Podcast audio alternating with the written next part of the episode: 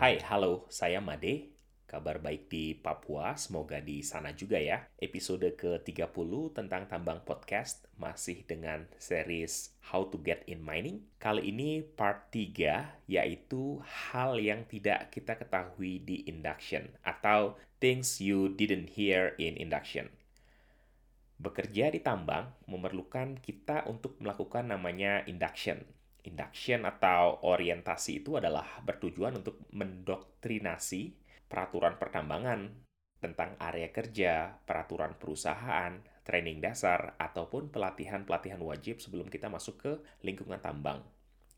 Di episode kali ini, saya akan membahas hal-hal yang perlu kita perhatikan ketika kita masuk ke lingkungan pertambangan dan tentu sesuai dengan apa yang pernah saya alami baik di tambang Indonesia maupun di tambang luar negeri. Berikut adalah tips dan triks berdasarkan pengalaman pribadi saya. Oh ya, di How to Get in Mining series ini, di part 1, kita membahas mengenai membuat CV, kemudian di part 2, kita membahas mengenai bagaimana interview yang baik, di part 3 ini, kita mensimulasikan diri kita sudah diterima kerja, dan persiapan apa yang perlu kita lakukan sebelum berangkat ke site untuk bekerja.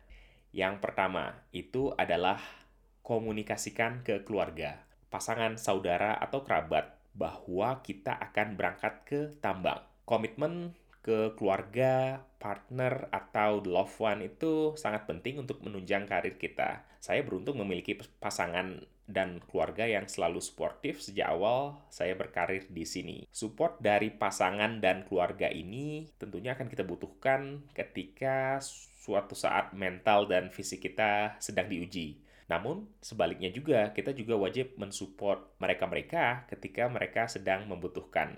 Kalau kita sudah mendapat support dari keluarga, bisa dibilang kita sudah memenangkan 50% dari battle. Tips yang kedua, menurut saya, berangkat ke site tambang adalah adventure tersendiri, jadi saya mempersiapkan segalanya dengan sangat serius ibarat kita akan berangkat ke medan perang seperti itu lebaynya. Jadi barang pribadi yang perlu dibawa ke site uh, seharusnya sama dengan ketika kita akan naik gunung atau berpetualangan untuk beberapa waktu yang cukup lama.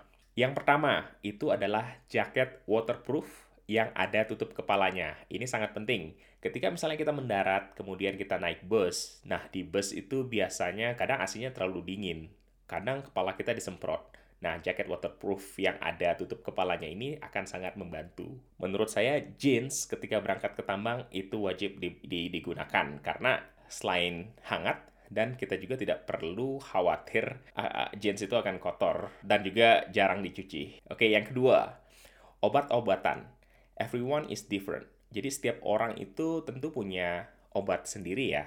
Kalau saya itu ada obat tertentu yang khusus saya bawa seperti itu. Contoh, kalau orang sakit ada yang cocoknya dengan obat A, ada juga yang cocoknya dengan obat B. Adalah penting kita membawa kebutuhan obat-obat pribadi kita ke site.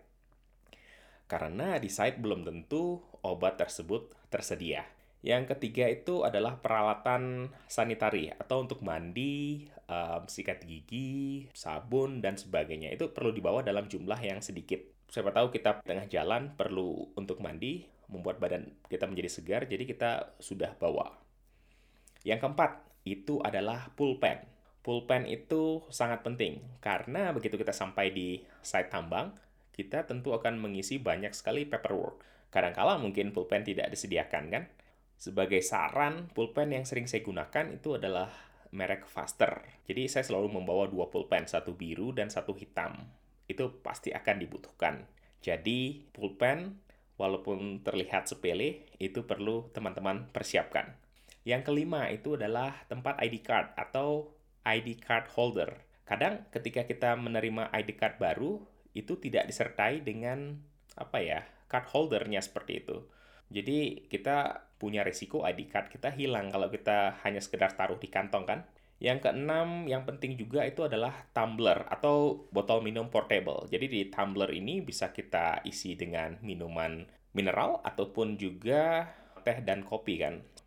Uh, bantal tiup. Bantal tiup itu cukup penting Karena ketika kita akan berangkat ke site tambang, biasanya kita berangkat pagi, terbang dengan pesawat, setelah itu dilanjutkan dengan perjalanan darat. Jadi, untuk mengejar waktu tidur kita, bantal tiup itu sangat-sangat bermanfaat gitu.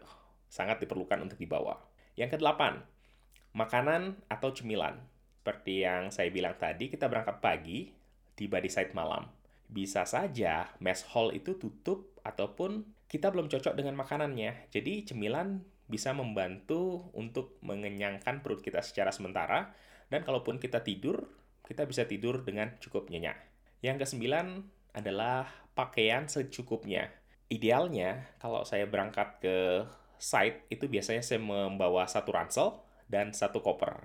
Di ransel itu biasanya ada satu setel pakaian.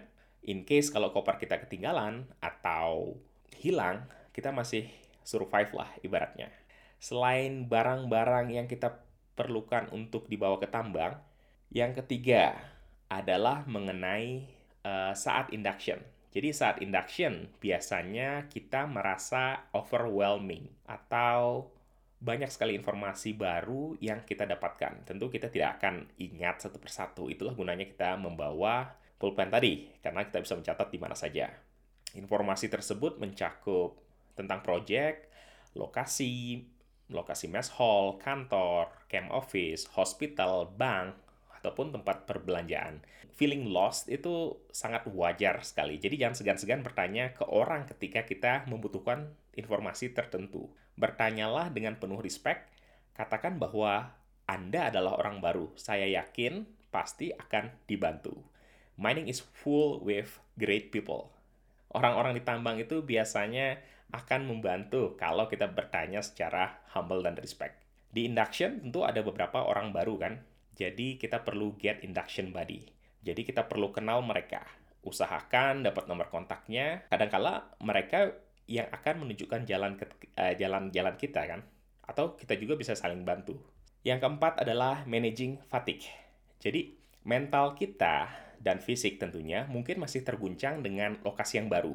Untuk itu, kita perlu beristirahat yang cukup. Nah, tubuh kita atau pikiran kita itu punya mekanisme alami. Kalau kita tidur di lingkungan yang baru, itu setengah dari otak kita masih akan aktif. Ini adalah proteksi alami kita.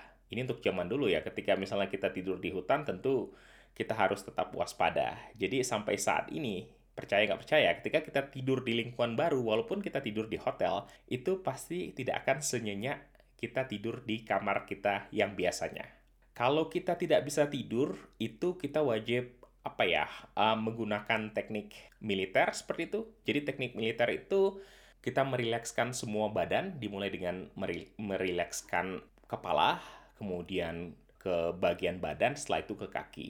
Pernafasan. Jadi kita perlu bernafas selama 4 detik, tahan selama 4 detik, kemudian hembuskan selama 4 detik, dan tahan 4 detik. Begitulah seterusnya. Istirahat di tempat yang baru itu penting. Kadang ada beberapa site yang lokasinya tinggi kan. Jadi kita perlu aklimatisasi, membiasakan tubuh kita dengan ketinggian tekanan udara sekitar sehingga kita bisa beraktivitas seperti biasa.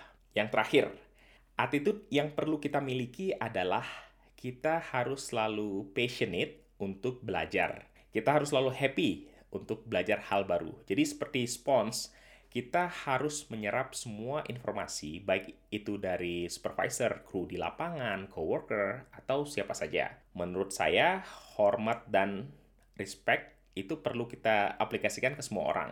Jalin relasi, berhubungan baik dengan semua orang, karena suatu saat orang-orang tersebut bisa saja berjasa untuk karir kita.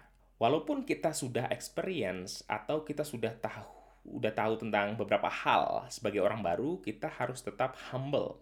Kita harus tetap mempelajari kultur yang ada, sistem yang ada, people dan proses. Nah, untuk managerial level, hingga kita mem memahami benar-benar sistem, people dan proses yang sudah terjadi, janganlah serta-merta kita membuat perubahan secara drastis Hingga nanti akhirnya kita sudah lebih paham tentang situasi, barulah kita bisa lihat opportunity untuk improvement. Nah, itulah tips untuk orang-orang yang baru masuk ke sebuah tambang atau new to mining. Semoga episode ini bermanfaat. Sampai jumpa di series How to Get in Mining selanjutnya.